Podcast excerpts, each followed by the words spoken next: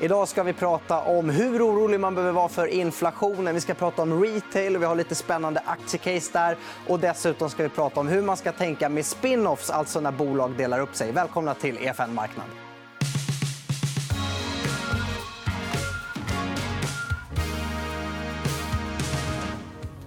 Då säger jag välkomna till ännu ett avsnitt av EFN Marknad och välkommen till studion, Staffan Östlin. Tack så mycket. Och välkommen via länk, Rulle, Anders Rudolfsson.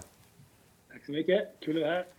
Och, eh, vi ska börja med att ta avstamp i inflationen. Det här som eh, skrämmer vissa, kanske inte skrämmer en del andra. Eh, Staffan, skrämmer den dig? Ja, men det är så här att, att de senaste månaderna har det här varit på tapeten för alla investerare. Och, och eh, man har vetat om att det kommer att komma ganska höga siffror. här.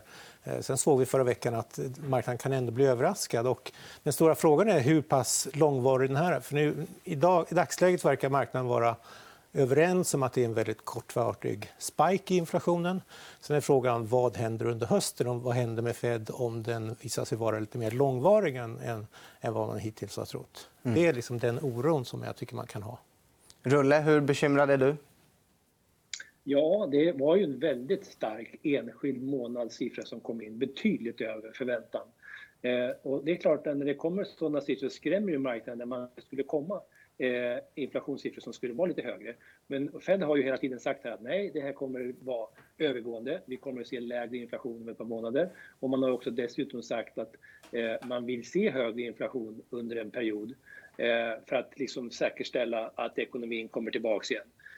Eh, men 4% som det var, det var mycket. Och som Staffan säger, 4% flera gånger i rad, det kommer att skrämma marknaden rejält skulle jag tro, om inte Fed lyckas dämpa de eh, förväntningarna. Och eh, vi får ju första testen ikväll här när vi har Fed Minutes där man alltså diskuterar, eller man visar vad man diskuterade förra gången när det gäller eventuella eh, ränteförändringar eh, på det som var då förra Fed-mötet. Mm. Och Staffan, du som eh, ändå hedgefondförvaltare, förbereder du dig på något sätt? Flyttar du några positioner? Eller vad? Absolut. Jo, men det är klart. Hela tiden. Kan man säga. Och, eh, det jag säger idag kan ju förändras till på fredag. Ja, ja. Eh, så. Nej, men, apropå inflationen såg jag en intressant siffra från jag tror det var Bank of America som följde Eh, eh, löneutvecklingen på erbjudna jobb, så att säga, jobb som är ute. Och, eh, där har det senaste halvåret gått upp med ungefär 6% Men fortfarande så ligger vi då 8% under den nivå som vi låg innan pandemin bröt ut i USA. Så att vi har en bit kvar där att gå. också. Och inflationen brukar inte ta fart riktigt förrän vi börjar se det i, i lönesiffrorna. Så att vi kan nog ha en liten, lite längre puckel här än vad vi kanske har väntat oss. Mm. Och så, som långsiktig investerare, om man sitter här och tänker aktier fem år framåt. Eh, om det håller i sig med en 3, 4, 5% inflation bör, bör, man vara stressad då? Eller hur, hur ska man resonera kring det där? Nej, så länge det håller sig under 5% 4-5% så tror jag att det helt okej. Okay. Sen ska man alltid välja bolag som man, som man känner sig bekväm med. Men det tror jag är ett makroklimat som funkar ganska bra. Mm. Vad tänker du, ja, man kan ju lägga till där att eh, sista nu tre, fyra veckorna så har det faktiskt varit så att det är åtta stater i USA som har eh, stoppat eh, det här temporära arbetslöshetsunderstöden för att man ska få tillbaka folk till jobben. Så det är alltså, alla, alltså jag läser ganska många såna conf calls, eh, kommentarer så, och noterar alla pratar om att det är svårt att få tag i personal. Eh, och det här har ju gjort att eh, man förstår ju att eh, det, är, eh, det är väldigt svårt och det driver naturligtvis på lönerna i det korta perspektivet. Men jag tror ändå att det är ju en temporär uppgång vi har här. Vi ser ju det springer ju iväg den här ledtiderna som är för många bolag att leverera. Vi har ju sett brist på komponenter i snart sett allting och vi ser matpriser, vi ser koppar, järnmalm, alla är på jättehöga nivåer. Så att det är inte konstigt att du ser den typen av inflation just nu i alla fall. Mm. Men eh, inflationen har ju ändå gett lite börsstök. Det har ju framförallt drabbat högt värderade bolag eller bolag som har haft väldigt starka kursrörelser i ryggen. Och där har vi ju mest tech. Eh, hur ska man ställa sig kring det här egentligen? Ja, vill du börja, Rulle? Eller ska... Ja, börjar du. Ja, nej, men, eh, det är viktigt att komma ihåg. Tech tech som sådan tror jag kommer fortsätta att ha väldigt, väldigt starka drivkrafter framöver. Sen kan man fråga sig vilka bolag har varit beroende av en hög aktiekurs för att kunna växa sin verksamhet? Vilka har, har genererat det via organisk tillväxt och så vidare? Jag tror att man, man kommer att skilja mer på tech idag jämfört med vad vi kanske gjorde för ett halvår sedan. Och de som är beroende av aktiekursen, alltså de som använder för förvärv ja, av liknande? Ja, som är i princip helt beroende av det. Och, och jämföra det med bolag som kanske gör egna investeringar som man faktiskt skriver av i resultaträkningen också jämfört med de här bolagen som är serieförvärvare som inte skriver av, som så köper produktutveckling. Mm.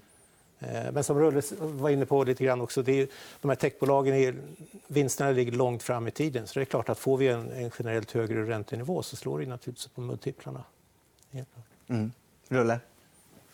Ja, och som sagt det är ju, det är ju huvudsaken USA som det här, eh, det, det, då har de riktigt stora techbolagen. Det är de också sätter trenden för övriga bolag.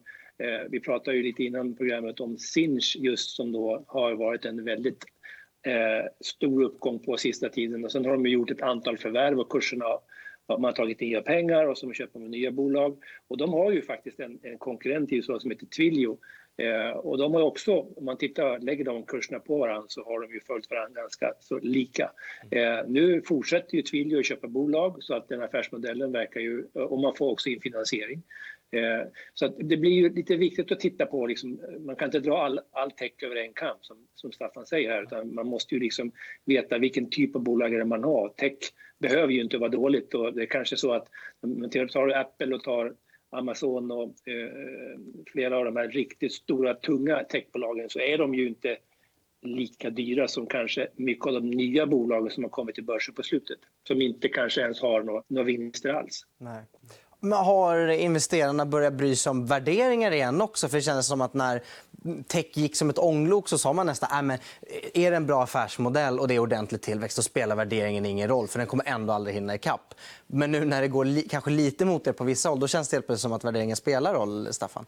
Ja, ja men vi har ju kliat oss i huvudet ganska många gånger över vissa aktier och tyckt att eh, inte riktigt kunna förstå värderingen. För vi vill ju om vi har en lång position så vill vi gärna kunna räkna hem den. Och inte liksom år 2040, utan det ska vara inom en rimlig tid. Så att säga. Och det tror jag faktiskt har börjat komma tillbaka lite grann. Ändå, att man tittar på värderingen. Mm. Och, och, då är det de dyraste bolagen som har gått sämst på slutet? Ja, ja. det kan man absolut säga. Så folk kanske ska börja räkna igen då, Rulle? Ja, alltså, vi har haft en period här nu, haft så här låga räntor redan. Det var räntan var under 1 då blir ju tillväxt enormt viktigt.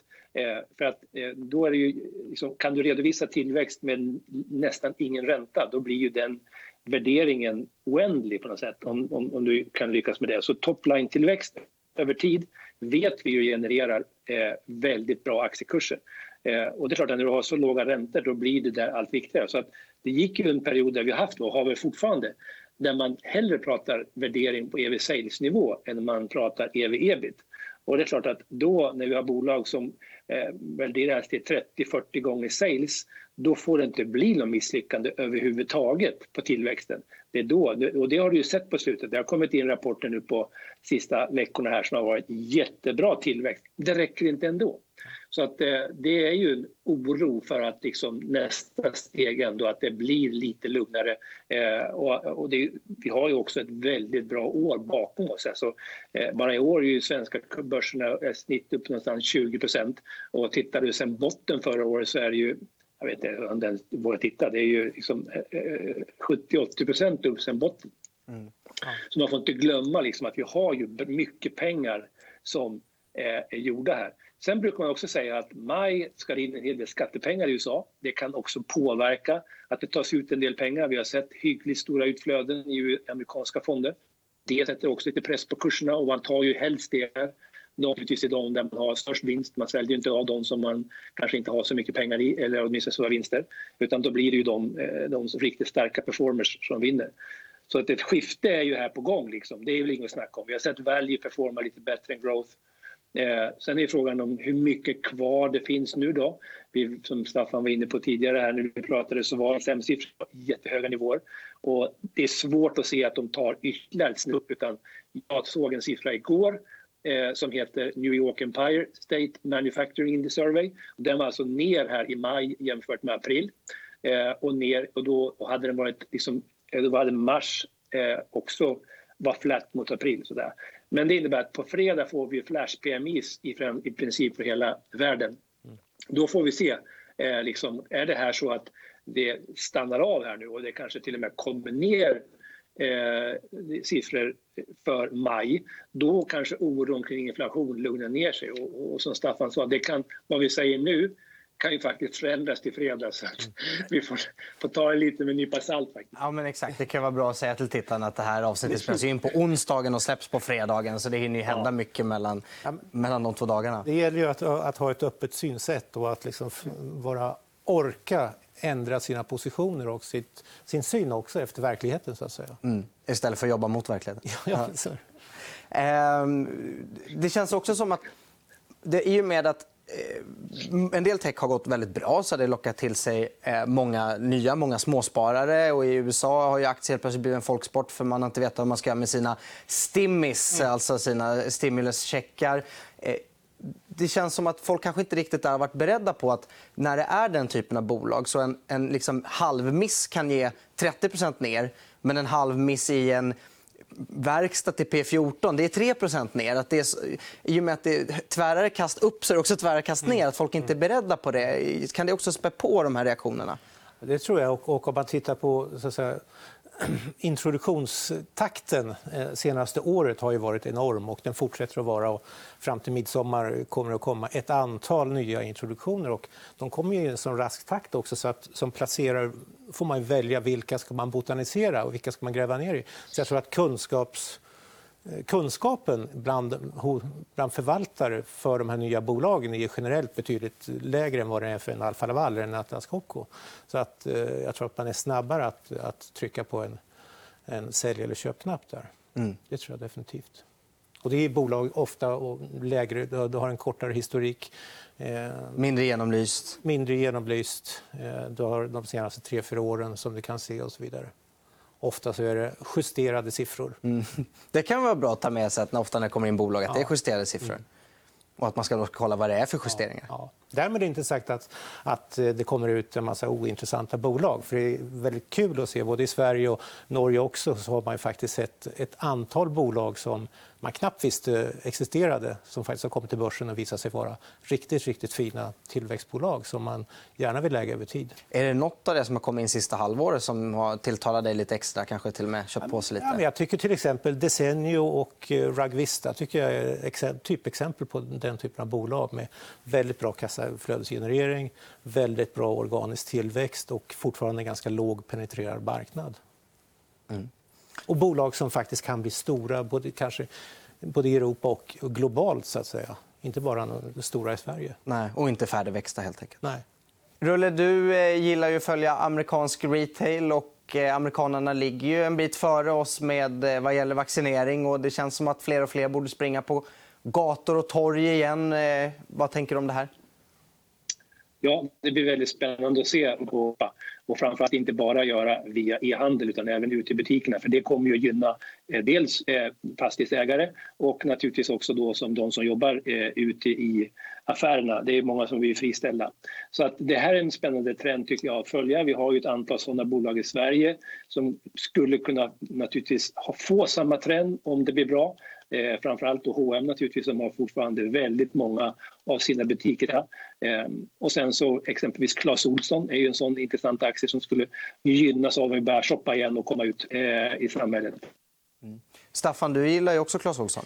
Ja, jo, men jag brukar säga det att vi, vi, tycker om att köpa in oss i låga förväntningar. Och i Clas Ohlson tycker jag det, det är låga förväntningar.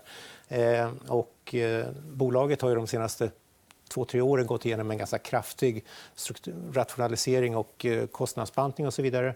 Eh, tyvärr fick inte, eller jobb, gjorde inte Lotta Lyro jobbet klart utan hon lämnade. Men, men det vi har sett hittills har varit väldigt bra. Och här är ett bolag som faktiskt har byggt ut sin, sin online-del ganska kraftigt och som, som har sett det växa. Och jag tror att vinnarna framöver det är de som faktiskt kan offerera båda delarna. Att uh, multichannel är någonting som är väldigt, väldigt bra. Mm. Och när det börjar springa folk i... För, för de har ju ändå jobbat en del med e-handel, samarbete med Mathem. Så man skulle ju nästan kunna se dem som en pandemivinnare, men det borde komma mer då när folk börjar gå ut Det igen. borde komma mer. Eh, de har ju 40% av försäljningen i Norge också, till exempel. Där, till exempel stängningar i Oslo. Oslo har ju varit eh, tyngre,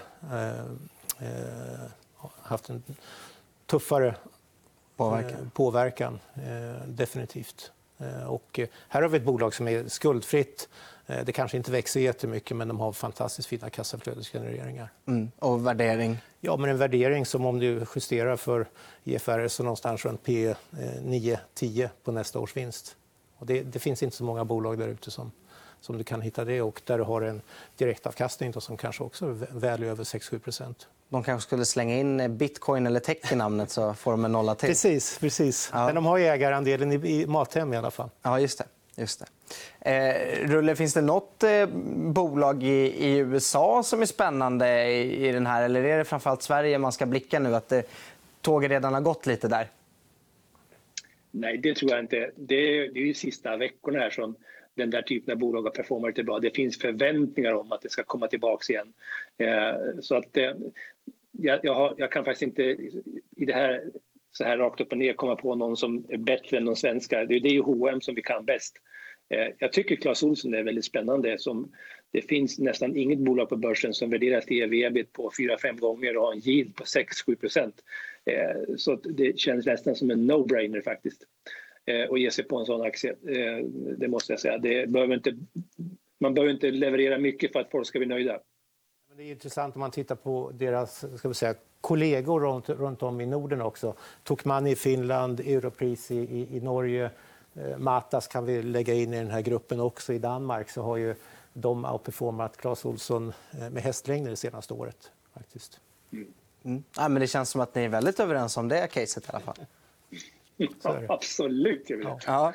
Eh, toppen. Eh, sist men inte minst, vi kan prata lite grann också om eh, det här med spin-offs. Eh, AT&T och Warner, Momentum Group eh, har annonserat en. Eh, är det... Jag kan tänka mig Simon Blecker brukar väl alltid dela upp bolag. Han borde ju jubla. Är det en trend vi kan få se mer och mer av? Eller hur, hur ser vi på det här? Ja, alltså det var ju en period här kanske under 20 år så hände det ingenting. Det var egentligen bara Bergman och Beving som delade sina bolag. Eh, nu har det blivit allt mer populärt. Atlas delade ut Epiroc eh, och eh, en gång i tiden så delade ju Hexagon ut Hexpool men det är ju länge sedan exempelvis. Eh, men det har ju blivit allt mer populärt att göra det här och det beror ju på att eh, de bolag som då, vi har, framförallt har vi moderbolaget eller urmodern till alla avknoppningar det är ju Electrolux som har knoppat av sju, åtta olika bolag genom åren. Eh, och eh, jag tror ju att det finns bra förutsättningar för det är lätt att hamna i skuggan Eh, bland kanske det största bolaget som är bäst att få alla pengar när man egentligen driver en affär som inte riktigt är koordinerad med den andra och man har samordningsfördelar som inte finns där. Då är det ju bättre att man knoppar av det där. Och eh, oftast inledningsvis så brukar det faktiskt vara ah, så att det avknoppade bolaget brukar performa lite och sen så kommer liksom den avknopparen tillbaka lite senare. Eh, men icke förty så är det ju ur aktieägarnas perspektiv Eh, inte spelar roll. Man inser att man får bolag som växer. Och kan bolagen växa på egna meriter på ett självständigt bolag på börsen, då är det mycket bättre att det finns kvar. Exempelvis har vi nu Indutrade som har gjort fantastisk resa genom alla år. De har jätteduktiga förvärvarbolag. Frågan är nu då, när blir bolagen tillräckligt stora att stå på egna ben? Eh, det tycker jag blir en knäckfråga för, för det ledningen eh, att ta hand om framgent. Men som helhet så det är helt klart så att eh, ju större bolagen blir, desto viktigare blir det att hitta rätt plattform för de eh, divisioner eller eh, segment som man äger. Och jag, jag, tror det kommer att fortsätta. Eh, jag tror det där är bra. Mm. Mm. Staffan, det känns som att det nästan alltid blir så att när det har varit den här typen av uppdelningar nästan alltid går det bra. Det brukar gå bra. Eh, dock ska man komma ihåg att ofta inledningsvis så är det ändå så att det utdelade bolaget så att säga, det, kommer, det tillkommer ändå koncernkostnader och den typen av, av kostnader som man kanske glömmer bort i, i, i, första skedet. så att man kan få en liten... Men absolut, och, och som Rulle var inne på, Bergman och Beving som ju är på något sätt urboden eh, bland mindre bolag. Då, eh, Jag tittade på börsvärdet på 3,5 miljarder idag och totalvärdet på, på alla de bolag som har delats ut är runt 100 miljarder. Så här är ett bolag som verkligen visar att det, det är faktiskt väldigt lönsamt att dela ut bolag. Men det sitter också i, i, i DNA ska säga, i bolaget. Det finns många bolag som kanske har svårare att tänka sig att göra den här typen av, av uppdelningar. också. Mm. Och om man som då aktieägare ser att eh, nåt bolag man äger ska göra det här då kan man kanske vara beredd på att det kan skaka till lite i början när det tillkommer olika kostnader man inte har tänkt på. Men på sikt så brukar det nästan alltid Ja, det tycker jag. bli riktigt ja, bra. Precis som Rulle säger, det, det är bra att man får en fokus på den egna verksamheten. Det är väldigt lätt att man hamnar i skymundan. Eh, Sandvik är väl ett typexempel där, där eh, väldigt mycket har hamnat i skymundan eh, från, från skärande verktyg, då, eller sms. Sen ska man lägga till tycker jag också att oftast är det så att eh, det blir ju två bolag med en typ av aktieägarbild och kanske man köpt in sig i den enheten. När man nu delar ut bolaget som oftast blir lite mindre så är det en del som säger att här likviditeten blir för dålig och det här är inte en business som passar in hos oss. Så är det ibland att man måste byta lite äga, aktieägarbilden där. Eh, och det gör att ibland så tar det en stund innan man hittar rätt bas. Men eh, vi kan väl... Eh, ja, över tid, eh, jag håller med, det sista som vi har sett som tog lite lång tid det var ju att BB Tools delade ut eh, eh, Momentum Group. Och det var ju inte nu förrän sista året här det var ju tre år sedan man gjorde det där. Nu känns ju båda bolagen ordentligt på gång och de har börjat göra rejält med förvärv var och en på sin plats. Och dessutom då som Momentum Group delar ut Allegro, Aligo som det ska heta, alltså det gamla Swedol som man köpte. Så att det, det blir en ny spelare till börsen som man kan säkerligen få väldigt bra avkastning på också. Så att, eh, nej, det här är bra. Arjo Getinge är ett, ett, två andra exempel tycker jag som är Ja. Eh, när det, som du var inne på, Rulle, att det ska bytas ägare också. När Arjo delades ut från Getinge så var det väldigt många, framförallt internationella ägare, som inte riktigt visste vad är det vi har fått här. Så att det fanns ju ett eh, väldigt stort säljtryck på aktien inledningsvis de första månaderna. Så att det här kan man ju faktiskt som placerare eh, utnyttja ibland. Lite tålamod, lite långsiktighet. Ja. Det är det som behövs. Tack så hjärtligt för att ni gästade programmet. Eh, e EFN Marknad är slut för idag. Men vi är såklart tillbaka nästa vecka igen. Då blir fokus på Ryssland. Ha det så bra så länge. Hej då!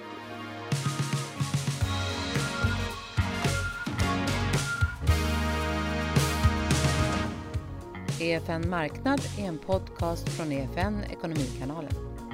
Ansvarig utgivare är Anna Fagerström. EFN finns även som app. Där hittar du alla våra videoinslag som hjälper dig att göra det bästa av din ekonomi. Du hittar appen i App Store och Google Play.